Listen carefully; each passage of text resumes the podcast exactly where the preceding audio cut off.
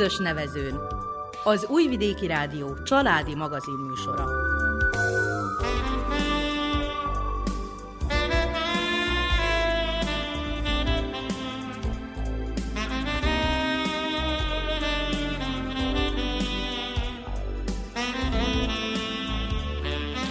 Köszöntjük hallgatóinkat a mikrofonnál Nánás Janikó. És Miklós Csongor. A zenét Verica Polyákovics válogatja, a műszaki munkatársunk Slavica Filipovics.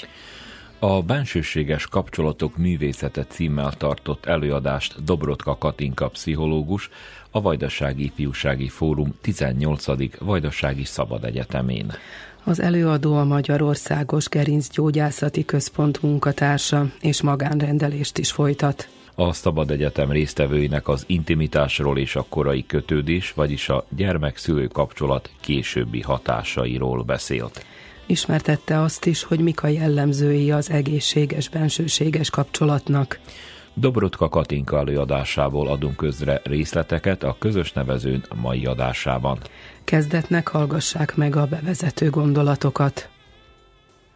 Az intimitás szó az egyébként latin eredetű, mint sokfajta szó, azt jelenti, hogy belső, hogy mély, bensőséges. Ugye az angolban is az a szó, hogy intimate, az a főnév, az azt jelenti, hogy társ, és a melléknév pedig azt jelenti, hogy személyes, mély. Tehát valami olyasmit jelent az intimitás, ahol egyrészt én is megélem azt, hogy belőlem valami intim dolog, valami mély, valami igazi látszódik, meg a másikból is valami ilyesmit látok meg. Tehát nem csak én magam tárulkozok ki, hanem ugyanúgy a másik is, és ezt megéljük ketten. És akkor igazából elindulunk onnan, majd megérkezünk az intimitáshoz újra, de egy kicsit bevezetjük ezt a témát. Az egyik ilyen pszichológus, akit hoztam ide ma nektek, nem a Freud, hanem a, az Erik Erikson. Ő Freud utáni pszichológus. Erikson volt az, aki úgy tekintett ezekre a szakaszokra, hogy ezek így, hát úgy egymásra épülnek. Ugye, mint a számítógépes játékokban is vannak ezek a szintek, hogy mész egy pályán, és akkor megvan az a pálya, akkor szintet lépsz, és akkor jön a következő pálya. Szóval, hogy nagyjából így kell ezt elképzelni. Persze nem annyira merev, szóval bármi ugye itt a, a mai előadásban is el fog hangzani, hogy egymásra épül, meg kategória, az azért sose annyira mereven kell elképzelni, hanem ezek azért úgy dinamikusan tudnak változni, de hogy jobban megértsük, azért kategorizálni is kell. Szóval, hogy ő mondta azt, hogy minden egyes élet szakasznak megvannak a maga kihívásai, a maga életfeladatai, amiken át kell, hogy essünk, és ezt ő úgy nevezte, hogy normatív krízisek. Szóval, hogy a krízis szó az amúgy egy ilyen, hát nehéz egy szó, szóval, hogy ha valaki ezt mondja, krízisben van, akkor az, az valami elég komolyra tudunk mi gondolni, hogy most valaki úristen, de hogy, hogy ő volt az, aki azt mondta, hogy nem, hanem vannak normatív krízisek. Normatív, ugye normális krízisek. Mindenkinek az életében vannak nehéz életszakaszok, és azokat túl kell lépni, és ő mondta azt, hogy hogyha ezeket az élethelyzeteket mi túllépjük és megoldjuk, akkor utána valamilyen én erővel bővülünk, tehát hogy valamit kiveszünk abból az életszakaszból, és az segít, hogy a következő életszakaszban is jól tudjunk tovább menni, meg hogy az az erő az velünk maradjon.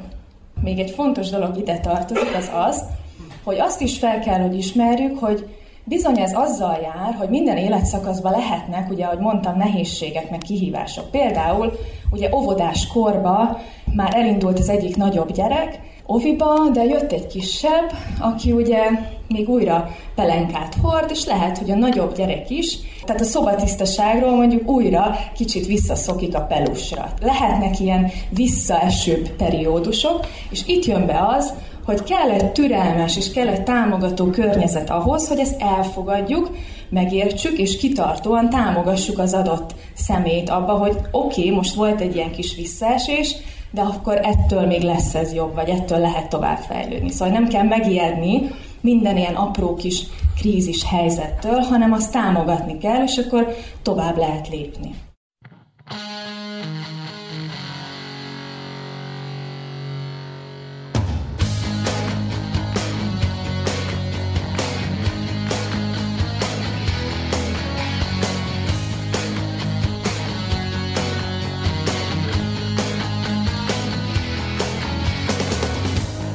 This what you want? Every finger points at me. This might be funny if it wasn't such a tragedy. After a while, it gets harder to smile and pretend that things are okay.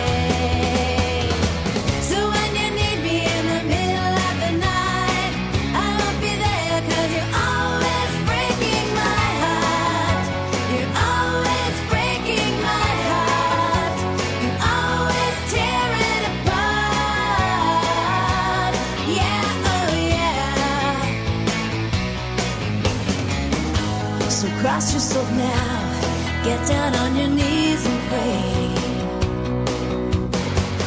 But no powers from heaven could ever take the darkness away. I've tried climbing your walls, but you built them too tall.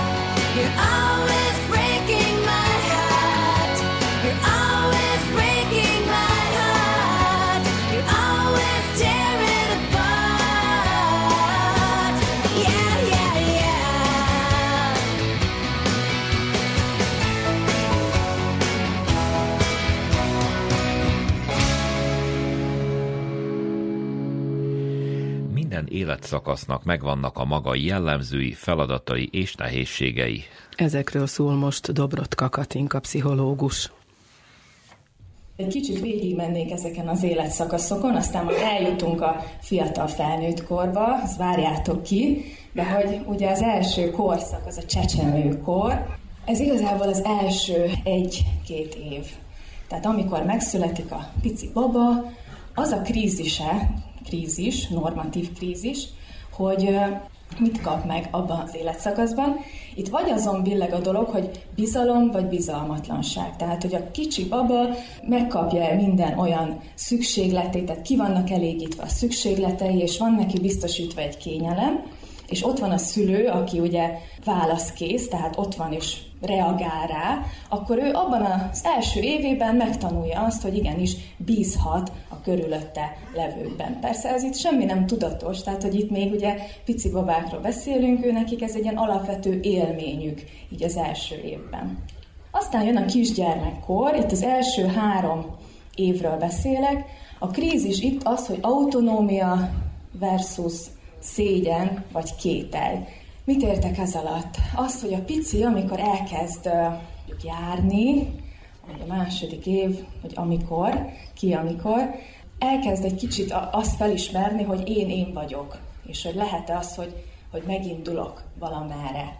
Érezhetem-e azt, hogy én egy autonóm, önálló kis lény vagyok, vagy pedig ugye ott van az, hogy állandóan a szülőknek van valami másfajta kérése. Tehát mondjuk a szülők olyasmit kérnek, amit te még nem tudsz megcsinálni, akkor lehet, hogy itt egy szégyenérzet, vagy egy kétel jön be, hogy én önállóan képes vagyok-e megindulni. Aztán jön a játszókor háromtól hatodik év. Itt az a kérdés, hogy mennyire lesz a kisgyerek kezdeményező, vagy éppen mennyire van ebbe bűntudata. Ez nagyon hasonlít egyébként az előző szakaszhoz is, csak itt már ugye tud rendesen a, a gyerek szaladni, menni, kezdeményezni, és itt már minden egyes ilyen kezdeményezésnek van valami célja. Tehát, hogy ő már úgy megy oda, hogy játszik azzal a babával. És ugye itt is ugyanaz a kérdés, mint az előző életszakaszban, hogy lehet-e, meg, megvan-e az engedve, persze bizonyos keretek között, de hogy nyugodtan elindulhatok. És ugye a szülőnek itt abban van egy feladata, hogy azt segítse, hogy a gyereknek az életkorához miért feladatokat támogassa. Tehát, hogy a gyerek ugye még a kezdetekben nem mindig tudja, hogy ő mire képes éppen. Lehet, hogy nem tudom, át akarja ugrani a kerítés, de ezt még nem tudja. Tehát a szülőnek itt azt kell támogatni, hogy olyan dolgokat tudjon a gyerek megcsinálni, ami az ő korához az úgy megfelelő. És ha ezt megéled, háromtól ugye hat éves korodba, akkor tudod azt, hogy igenis, én tudok kezdeményezni, és tudok csinálni dolgokat önállóan, és ettől nem érzem magam mondjuk hát szégyenkezve, vagy valahogy bűntudattal telinek. Aztán jön a hatodiktól a pubertásig, ez a kisiskoláskor.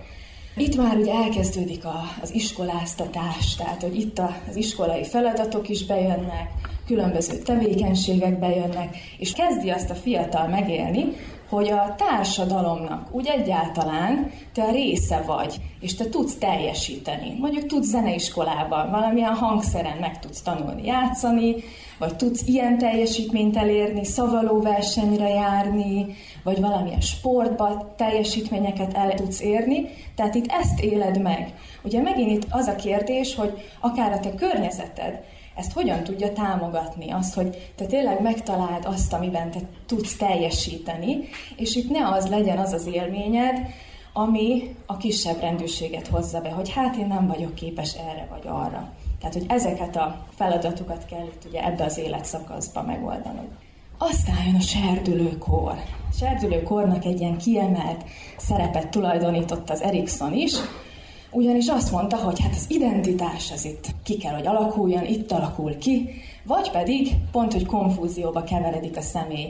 Ugye az identitás kialakulása az azzal jár, hogy te különböző szerepeket próbálgatsz ki serdülő korodba is, tehát hogy kipróbálod magad ebbe, kipróbálod magad abba, megnézed, hogy hát lehet, hogy a klasszikus tánc tetszett, de lehet, hogy a néptánc tetszik, Szóval, hogy itt különböző szerepeket próbálgatsz ki, és megnézed, hogy hát, hogy én ki is vagyok valójában.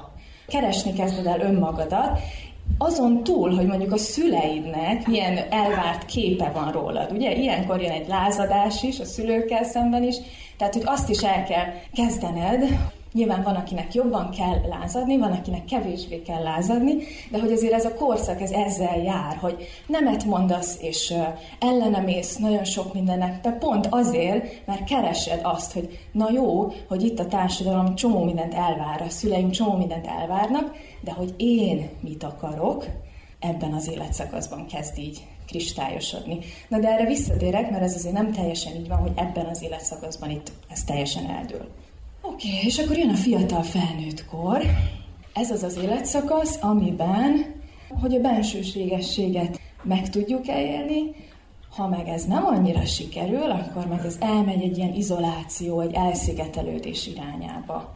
Ebben az időszakban ez az egyik ilyen nagy életfeladatunk, hogy tudjunk kapcsolatokat kialakítani, tudjuk ezeket a kapcsolatokat elmélyíteni, tehát nem csak úgy felszínesen, hanem lehessen azt, hogy én kitárulkozok, merjek kitárulkozni, majd erről is beszélünk, hogy ehhez azért mi kell, hogy én merjek kitárulkozni, és hát ne az legyen ugye, hogy elszigetelődöm, mert hogy olyan is van. És ez nem végleges persze, tehát nem mindig csak addig lehet eljutni, hogy elszigetelődtem pont, de előfordulhat, hogy valakinek ebben az életszakaszban ezt nehezebb megoldania. Utána jön a felnőttkor, amikor már az lesz a kérdés, hogy mit tudok itt hagyni magam után, mit alkotok, mi az, amit szeretnék hátrahagyni a társadalomba, milyen feladatokat, milyen célokat értem el, vagy pedig valahol megálltam. Ugye ez az ilyen, hát 40-es, 50-es, ez az életszakasz. Egyébként tök sokan sajnos kerülnek egy ilyen helyzetbe, hogy beáll egy ilyen stagnálás. Ez lehet, hogy azért is lehet, több minden miatt lehet persze, de hogy már az előző életszakaszoknak a feladatait nem úgy oldották meg. Mit jelent ez? Hogy például az ő identitásuk az nem úgy alakult ki, hanem valamilyen konfúz vagy diffúz identitásba kerültek, és aztán 50 évesen jön az, hogy oké, okay, de ki vagyok én, vagy így mi van az életemmel, vagy hogy oké, okay, csináltam eddig valamit, de szóval, hogy lehet egy ilyen elveszettség, ugye ez a, hát hogy is szoktuk hívni, hogy életközépi válság, meg ilyesmi szavakat lehet erre mondani, hogy ez az életszakasz az arra jó, hogy te igazából megéld azt, hogy tudsz alkotni, tudsz magad után hagyni dolgokat, képes vagy arra, hogy társadalomba nyomot hagyjál magad után. És akkor a nyolcadik korszak Erikson szerint az az érett idős kor, amikor is valahogy úgy összegezzük az életünket. Tehát, hogy megnézzük azt, hogy itt vagyok most, nem tudom én, hasamra csapok, 70 évesen, mi volt így eddig. Tehát, hogy tudom-e úgy egészbe látni ezt az életet, tudom-e úgy látni, hogy úgy, ez úgy teljes volt. Ezt, ezt csináltam, azt csináltam, amazt csináltam. Tehát, hogy valahogy integrálódik, ez az az integritás, hogy így teljes egészében tudom látni az életemet, vagy pedig, hát az is előfordulhat, hogy hát kétségbeesés van, hogy úristen, mi volt eddig, most kezdek el szembesülni dolgokkal, itt vagyok, és hogy még így ez nem egy jó helyzet, amikor így kétségbeesést él át az ember.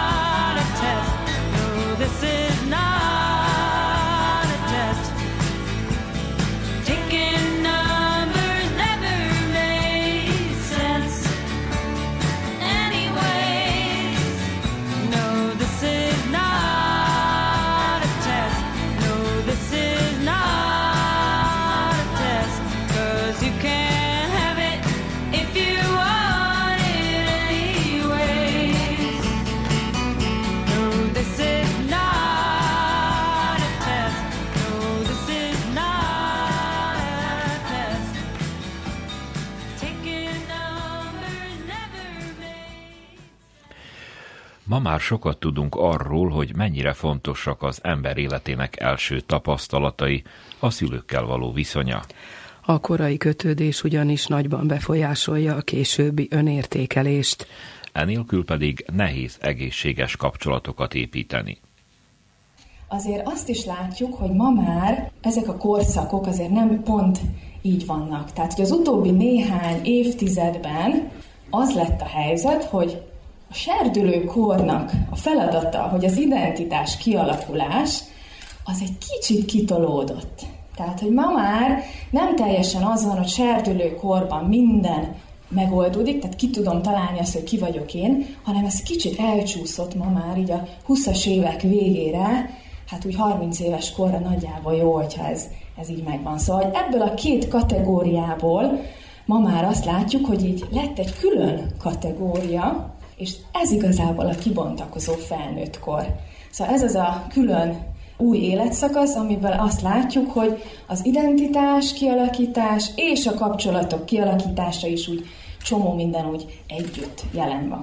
Néhány dolog, hogy ez, ez miért is alakult így, Egyrészt a digitális forradalom, tehát az, hogy most már tele vagyunk kütyükkel, mindenféle információs technikai cuccokkal, és akkor ezzel így egyre inkább megismerkedünk. Ez így nagyon kitágította azt, hogy egyetemre is ugye elkezdtünk járni, egyre inkább tovább képződünk, több irányba képződünk, ami kitolja ezt az életszakaszt. Aztán ott van a szexuális forradalom, hogy lehet most már védekezni, nem az van, hogy rögtön ugye jön egy baba egy pár életében, hanem, hanem megtehetjük azt, hogy kitoljuk egy kicsit a családalapítást. Aztán ott vannak a nőmozgalmak és az ifjúsági mozgalmak. A női mozgalmak ugye azt értem ez alatt, hogy lehetősége van a nőknek arról dönteni, hogy tovább tanuljanak például, hogy nem csak a család alapítás, amivel ugye egyébként nincs semmi gond, hogyha csak a családanya szerepben van valaki, csak hogy az is megadatik, hogy esetleg tanuljanak a nők is, és ők is tovább képezzék magukat, ugye ami szintén azzal jár, hogy hát ha te elkezdesz egyetemre járni, akkor az önállósodás, a különválás, a leválás, hát az lehet, hogy nem 20 évesen történik meg, hanem mondjuk tudom, 26, vagy ilyesmi. Szóval, hogy megint csak az, hogy kitolódik ez az életszakasz. És akkor így jutunk el oda, hogy igazából a 18 és a 30 év közti időszak, az ez a kibontakozó felnőttkor. És akkor itt a serdülőkornak, meg a fiatal felnőttkornak az élet feladatai együtt vannak jelen. Anyagi függetlenség, leválás a szülőkről, pályaválasztás, párválasztás, kapcsolatok, munkába állás, tanulmányok után családalapítás megkezdődhet. Igen, hogyha ezeket így mind felsoroltuk, ugye, akkor azt látjuk, hogy azért itt van egy lista, ami nem olyan egyszerű. És uh, igazából én is ezt látom most így a praxisomban is, hogy jönnek a 28 éves fiatalok. És azt mondják, hogy hát uh, van ez, meg ez, meg ez, meg ez, és nem tudom, hogy hogy, meg mint, meg hogy, meg... Szóval, hogy csomó minden van, amiről már önállóan kezdesz el dönteni. Ugye önálló döntéseket kell hozni, és nem az van, mint régen, hogy ott volt az adott család, nem tudom, a szülőknek a munkája, és meg volt az, hogy azt fogod továbbvinni, vagy neked ott van abba a faluba, ott lesz a párod, és ti elkezditek a közös életet, közös családi házba. Ma már ez egy kicsit azért átalakul. Azzal is, hogy külön városba megyünk, később kezdünk el mindent csinálni, tanulni, függetlenedni. Ugye amíg egyetemre jársz, nem tudsz dolgozni, szóval még anyagilag még függesz az otthoniaktól, de már azért valami diákmunkát bevállalsz, szóval, hogy kicsit lassabb ez a folyamat, és akkor amiről én itt most kicsit rátérnék, azok a kapcsolatok lesznek, meg a kapcsolatoknak az elmélyítése.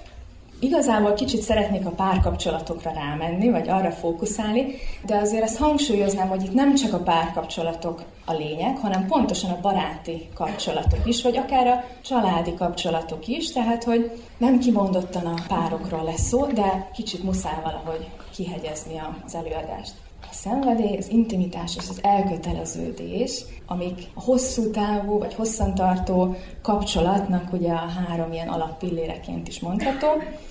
Ez egyfajta modell, tehát most nem csak ez a fő igazság, csak egy példát hozok. Ugye a szenvedély, hát az ott inkább az, hogy lehet játékosnak lenni, lehet kapcsolódni, lehet jól megélni a szexualitást, az elköteleződés meg az, hogy ebbe benne tudok maradni, meg tudok ebben melegedni, és hogy ez egy jó érzés, hosszantartó kapcsolódásra is képes vagyok, és hát az intimitás, amiről már itt az elején egy picit beszéltünk, az meg valahogy egy ilyen bensőségességnek a megélése. Tehát, hogy milyen kérdések jöhetnek itt föl, hogyan maradhatunk önmagunk egy másik emberrel való kapcsolatban, ugye erről is szól a bensőségesség, mi segíti a bizalomnak a megalapozását, együtt és külön töltött idők, hogyan lehet ezt menedzselni, és hogyan kerülhetek intim kapcsolatba valakivel. Ahhoz, hogy ezt egy kicsit jobban megértsük, akkor szeretnék egy picit a kötődésről beszélni nektek, hogy a kötődést miért is muszáj ide behozni. Lehet, hogy már hallottatok erről, lehet, hogy már tudjátok is, nem tudom, de azért én úgy szeretem kihangsúlyozni, hogy a korai, érzékeny, törődő kapcsolat, ugye ami a gondozókkal, a szülőkkel történt, Hát ezért muszáj, hogy erről mindig beszéljünk, hogy milyen volt a gyerekkor, mert hogy igazából itt íródik be az az alap, hogy te későbbiekben hogyan fogsz tudni akár a fölnőtt életedbe kapcsolódni másokhoz.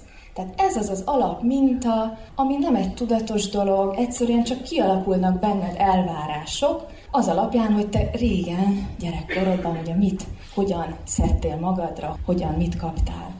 A kötődés, hogyha kialakult egy ilyen biztonságos kötődés, az igazából segíti azt, hogy te egész életedben tudjál könnyedén kapcsolatokat teremteni, legyen kedved felfedezni dolgokat, de ugyanúgy legyen kedved vissza is térni a bázishoz. Tehát, hogy ez lesz az, hogy van kedved felfedezni, van kedved megismerni dolgokat, ugye lehet, hogy eljöttél ide erre szabad egyetemre, közben otthon van a párod, és ez oké. Okay.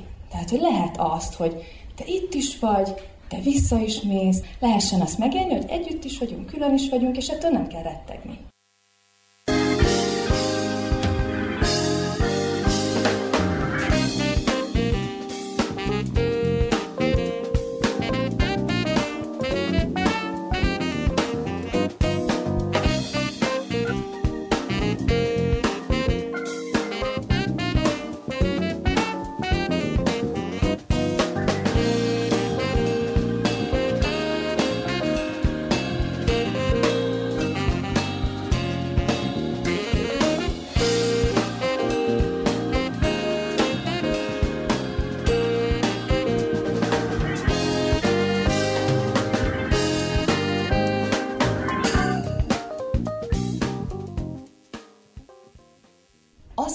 Voltak az előzmények, az egész kötődés kutatásokban, meg a pszichológiának a kötődés kutatásainak, hát a kutatók megnéztek árvaházban nevel gyerekeket. Tehát az 1900-as éveknek az eleje, amiről én beszélek, hogy akkor még nem tudtuk azt, hogy mennyire fontos ez a korai kötődés, és ott azt láttuk, hogy az árvaházban nevel gyerekek, akik ott voltak hagyva ugye a kis ágyikókba, ők először sírtak, kiabáltak, ugye, hogy vannak szükségleteik, vegyenek föl, de miután már nem kaptak választ, ugye, hogy ott csak akkor vették föl őket, mondjuk, hogyha megetették őket. Egyébként nem. És azt látták a kutatók, hogy egy idő után fölhagynak a sírással. Tehát, hogy egyszerűen rezignáltá válnak, valameddig sírnak és kiabálnak, aztán már kész. Aztán visszavonulnak és visszahúzódnak és utána már nem lesz, nem lesz meg az a biztonságos kötődés a többiekhez. Ugyanez a hospitalizált, tehát a kórházban hosszan tartó mondjuk azok a gyerekek, akiket az életük kezdetén hosszabban kórházba kellett valami miatt tartani. Náluk is ugyanez a helyzet, hogy ott se lehetett ott az anya vagy az apuka rögtön a kezdetekbe, hanem hosszabb ideig tartották őket ott, és ez később meglátszik. Például, hogy olyan klienssel beszélgettünk, akinek a kötődéssel vannak nehézségei, és bizony kiderül az, hogy hát ő gyerekkorában hosszabb ideig nem volt ott a szülőkkel, vagy hosszabb ideig kórházban volt, vagy hosszabb ideig valaki más nevelte, nem volt meg az a közeli kapcsolódás, akkor ez lehet egy ilyen nehézség. Az, hogy szenzitív periódus, az azt jelenti igazából, hogy az első három év, és az ebben években összeszedett élmények, azok nagyon belénk kivódnak és szenzitíven ott vannak. És ebből kialakul egy ilyen belső munkamodell. Ez a belső munkamodellt ezt úgy képzeljétek el, mint hogyha van egy ilyen alapkis csippetek, ami valamilyen modellt alkot a fejetekben, ami ugye arról szól, hogy tényleg mit várhatok el későbbiekben. És igazából a John Bowlby-nak a neve, ő volt az egyik ilyen fő kötődési stílus kutató, és ő is kutatta azt, hogy az utcagyerekek, az ilyen fiatalkorú bűnözőknek milyen előmenetele volt, és ott is az látszódott, hogy kaotikusabb a családi környezet, hogy az állandó gondozónak a hiánya az ott is ugyanúgy megjelen. És érzelmileg elhanyagoltak ezek a gyerekek. Tehát nagyon fontos azt megjegyezni, hogy az, hogy elhanyagoltság, az nem csak annyit jelent, hogy a gyerek nem kap enni meg inni. Mert ez azért nagyon sok otthonban azt látjuk, hogy ez megvolt. Tehát a praktikus része, az megvan. Megadják a gyereknek, gondozzák, de az érzelmi gondozás és odafordulás, az hiányzik. Ez egy ilyen nehézség, és erre azt tudjuk mondani, hogy ez egy érzelmi elhanyagolás.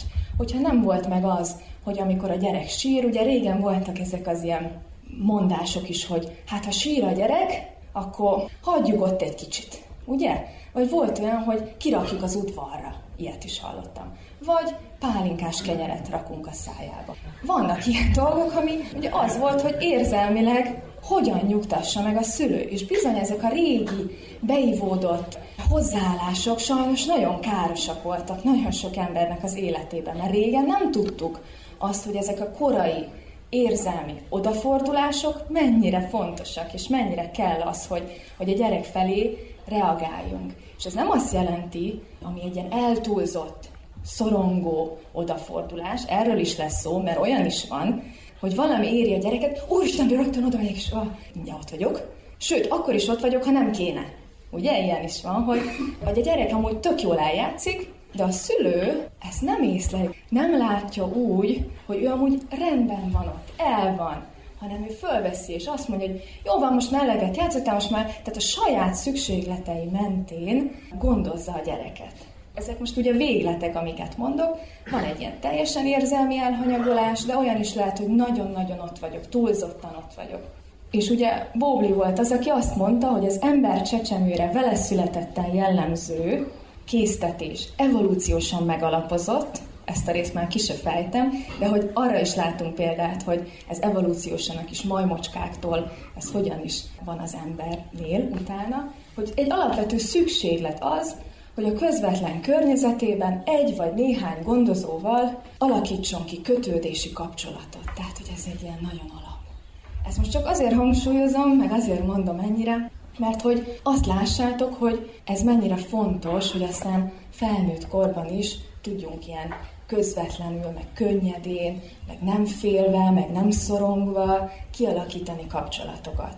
Ugye az egyik oldalon látjátok azt, hogy felfedező viselkedés, másik oldalon a kötődési viselkedés. Ez a babáknál is megvan, ugye, hogy ott az anyuka, elmehet a gyerek ott, nyugodtan játszhat, kicsit játszik, kicsit fölfedez, és utána visszamegy anyához, és akkor meg, megkérdezi, jó, oda néz még anya. Vagy olyan is van, hogy játszik, de csak visszanéz az anyára. És ez is egy nagyon fontos élmény egyébként, hogy ott van az a biztonságos bázis, csak annyi elég, hogy oda nézek rá. És akkor már biztonságban vagyok, és én nyugodtan felfedezhetem a környezetemet. Tehát, hogy ez a fontos, ilyen harmonikus egyensúly jó, hogyha meg tud lenni, mert utána felnőtt korban is nem az van, hogy rettegnem kell, hogyha a párom mondjuk elmegy valahova, hogy csajos este, vagy a fiúkkal elmegyek valahova, vagy elmehet-e a párom külön sielni valahol, csak mondtam. Tehát, hogy lehet-e az, hogy külön is vagyunk, és lehet-e az, hogy utána milyen jó visszatérni, és milyen jó együtt lenni, hogy ez olyan szabad tudjon lenni.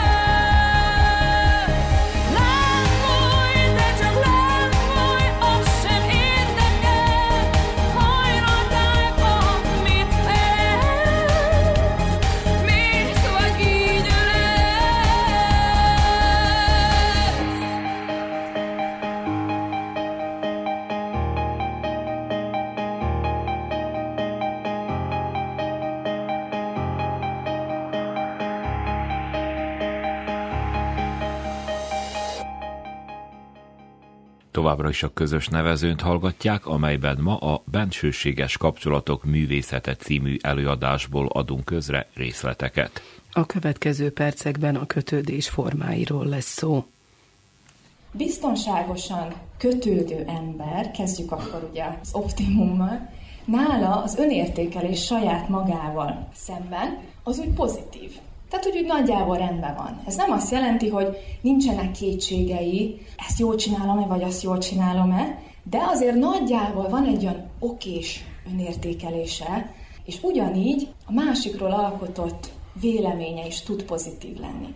Tehát akinek ugye megvan az a jó képessége, hogy biztonságosan tud kötődni, ő nem fog rettegni attól, hogy ő nem elég jó, jó vagyok-e a páromnak így, ahogy vagyok, vagy nem vagyok jó, vagy elhagy valaki másért, vagy nem tudom, tehát hogy meg lehet azt élni, hogy úgy biztonságban érzem magam, és tudom azt, hogy a kapcsolatunk az egy folytonos dolog. Tehát attól, hogy én néha mondjuk haragszok rád, tehát lehet az, hogy én dühös vagyok rád, és sőt, lehet azt is, hogy ma nem akarok veled lenni. Mert ma ilyen napon van, ma dolgozni szeretnék, vagy valami más csinálni, hogy attól még a másik ezt tudja úgy venni, hogy oké, okay. tehát hogy ez így rendben van, mert tudom azt, hogy a szeretet köztünk, meg a kapcsolódás, az egy folytonos dolog, az attól ugyanúgy megvan. Én ugyanúgy szeretlek, de lehet, hogy ma nagyon-nagyon dühös vagyok rád. És ez szabad. Tehát, hogy lehessen azt megélni, hogy a negatív érzések is bekerülnek a kapcsolatba, és az nem lesz olyan fenyegető. Persze ez nem kellemes dolog, azért azt nem mondom, nyilván az elején ez azért egy kihívás, hogy egymásra tudjunk dühösek lenni, meg lehessen kimondani a dolgokat, és lehessen azt úgy elviselni. Tehát, hogy aki biztonságosan kötődik, tudja viselni az ambivalenciát, tehát tudja azt elfogadni, vagy kibírni, hogy hát lehet, hogy most nem egy jó napon van, nem is akarok velni dühösöség, de azért lehessen megélni azt, hogy amúgy meg szeretlek, és hogy holnap majd megbeszéljük, vagy máshogy lesz. Tehát, hogy úgy jó bírják. Aztán, akinek önmagával kapcsolatban van egy ilyen negatívabb önértékelése, de a másikról amúgy pozitív, tehát a másikról ez nincs meg, akkor ő lehet, hogy ilyen szorongóbb, elárasztó kötődésű felnőtt lesz. Tehát kiről beszélek? Aki valahogy azt éli meg, hogy sose elég, hogy legyél ott. Például valaki a, nem tudom, a harmadik emeleten laktok az albérletbe, párod elmegy a lépcsőn, fölhívott, leértél? Leértél? Minden oké? Okay? Jó, akkor most telefonáljunk addig, amíg el nem mész a villamosig. Csak akkor élem meg azt, hogy minden oké, okay, hogyha így nagyon egyfolytában mindig együtt. Mert hogy maga miatt talán szorongóbb, hogy az én önértékelésem az így, hát az, hogyha billeg, akkor mindig kell valami visszajelzés, hogy de, de, de, de hogy te figyelj rám, vagy hogy ugye elég vagyok, vagy ugye nem fogsz ott hagyni, vagy tehát, hogy ez a, ez a szorongóbb ilyen kötődés. Aztán az elkerülő, elutasító kötődési stílusra az jellemző, hogy ilyenkor, hát ő valahogy nem a kapcsolatban éli meg azt a biztonságot, vagy nem ott keresi annyira, hanem ő egyébként önmagával úgy, úgy el van. Lehet, hogy ugye a munkájában is el van egyébként, de a kapcsolatot valahogy nem tudja azt megélni, hogy ott lesz a biztonságos bázis, vagy a megnyugtató bázis. Az ilyen személyek valószínűleg gyerekkorukban sem azt élték meg, hogy a szülő az egy ilyen nagyon megnyugtató személy tud lenni, hanem lehet, hogy ő volt az, akit amikor sírt, ott hagytak, vagy kirakták az udvarra, vagy úgy azt mondták, ne sírjál már gyerekem, mert mit sírsz? Nem? Tehát, hogy akinél úgy nem szabadott elérzékenyülni, vagy nem szabad gyengének látszani, akkor ő azt éli meg, és ez ivódik be, hogy te nem a másikhoz fogsz fordulni megnyugtatásért, sőt, te inkább azt szeretnéd, hogy kicsit nagyobb távolság legyen. Tehát, hogy ők azok, akik például az intim elköteleződéstől azért úgy kicsit tartanak. Akár jellemző lehet az, hogy gyakran cserélgetik a párkapcsolatokat, a párjukat, mert hogy amint egy kicsit közelebb kerülnének, mondjuk oda jutna a sor, hogy bemutassuk a szülőknek a párt, akkor azt mondja, hogy eh, mégse. Van egy ilyen félelem, hogy valahogy igazán közel kerüljünk egymáshoz. És az utolsó, az ugye, hát egy elég nehéz helyzet, amikor ilyen tényleg keszekusza a dolog. Tehát, hogy van is egy keresés a másik felé, de azért gyakori az is, hogy távolságot kell tartani. Tehát itt aztán az önértékelés is nehéz, illetve a másokba való bizalom is problémás, tehát mind a kettő része.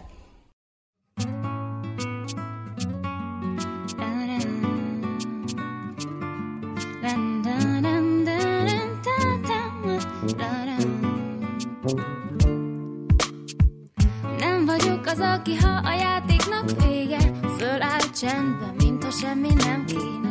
Én engedhetetlenül keresem a válaszokat legbelül. De minden gondolatom ne tud, az nem kéne, de legyek ki sem üzve, ha ennek vége. Bár úgyis vágyom a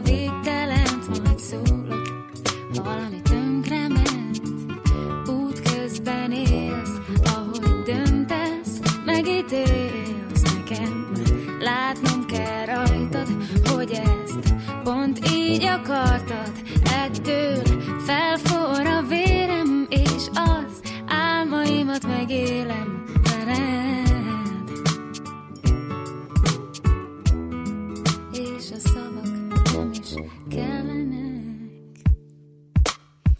Majd jön az üzenet a szívből az agyamba És az is azért kell, ne legyek magamba A harcot belül úgy is játszom be egyedül állom.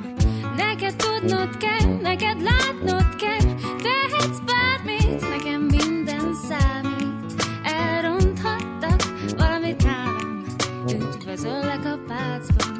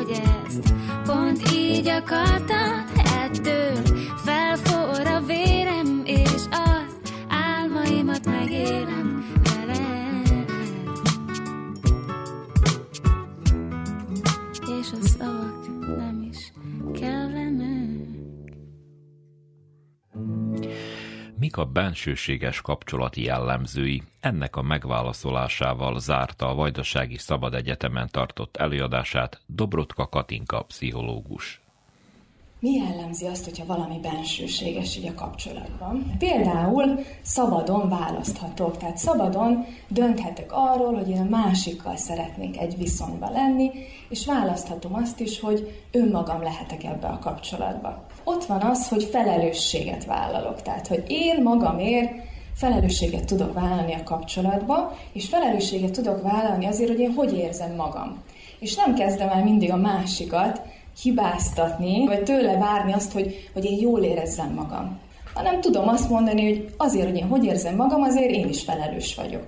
Aztán a másik meghallgatását, ez is egy elég fontos alapkő lenne, hogy ugye attól, hogy én nem értek vele egyet, simán lehet, hogy mások a véleményeink, de meg tudom hallgatni. És nem csak mindig én mondom azt, hogy velem mi van, hanem le lehet ülni, a szemébe lehet nézni, és lehet meghallgatni a másikat.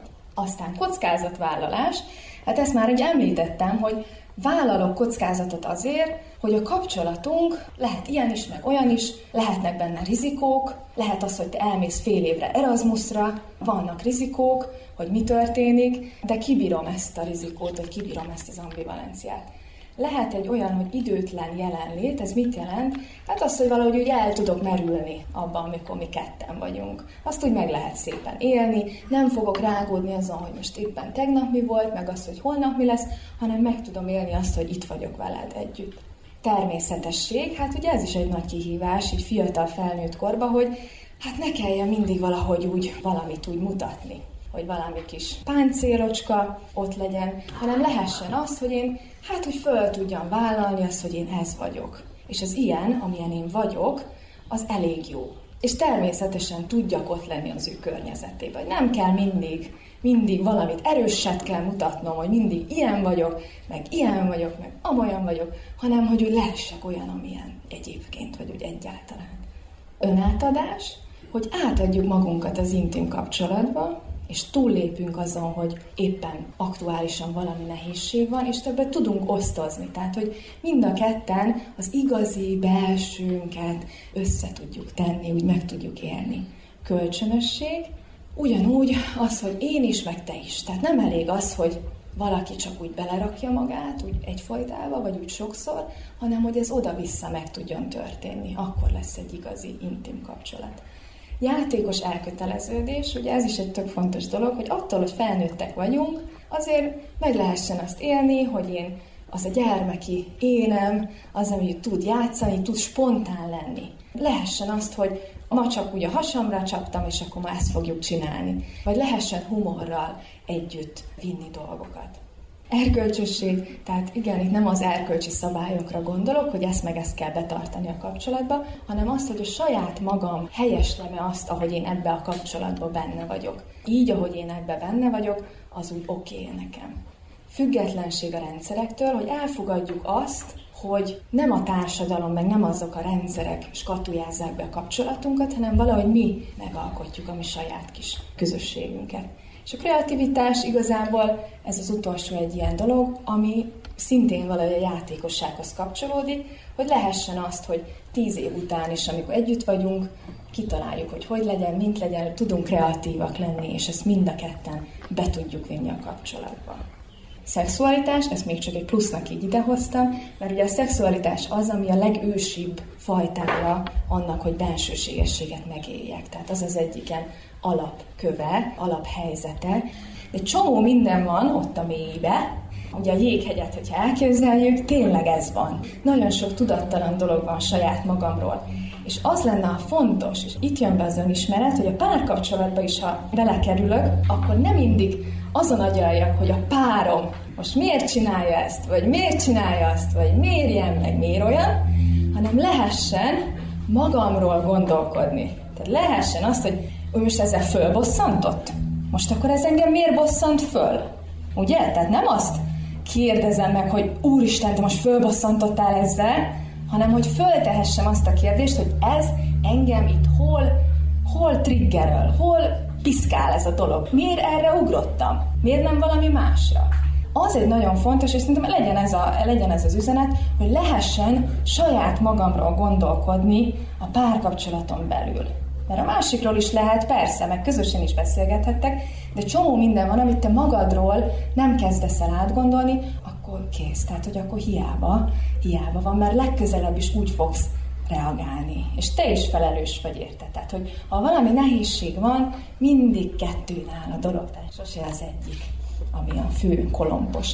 Ehhez az kell, hogy őszintén azért tudjatok kommunikálni, meg nyíltan, lehessen kommunikálni, hallgassatok párkapcsolati, meg egyéb pszichológusos podcasteket, meg olvassatok könyveket, és hát ugye a legutolsó dolog, a kapcsolatokban sérülünk, és kapcsolatokban gyógyulunk. Ez itt a reklám helye, terápiás helyzet, nagyon-nagyon tud segíteni azon, hogy a te kapcsolatban elszenvedett nehézségeidet, vagy sérüléseidet, azt egy másik gyógyító kapcsolatban azon te tudjál dolgozni, tudjad felismerni, és megélhess egy másfajta élményt, és aztán ezzel könnyebben fogsz tudni tovább menni.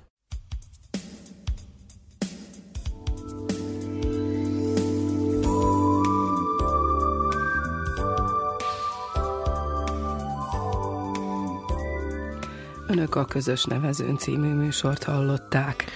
Adásunk elkészítésében közreműködött Verica Poljákovics zenei tanácsadó és Slavica Filipovics műszaki munkatárs Nevükben is megköszöni figyelmüket Nánás Janikó. és Miklós Csongor. Maradjanak az Újvidéki Rádió mellett.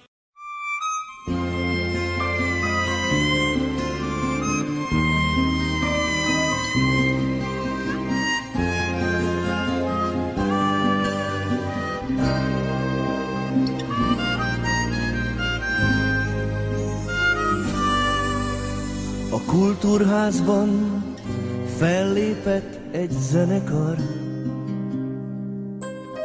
Árat minden hang a falakon át,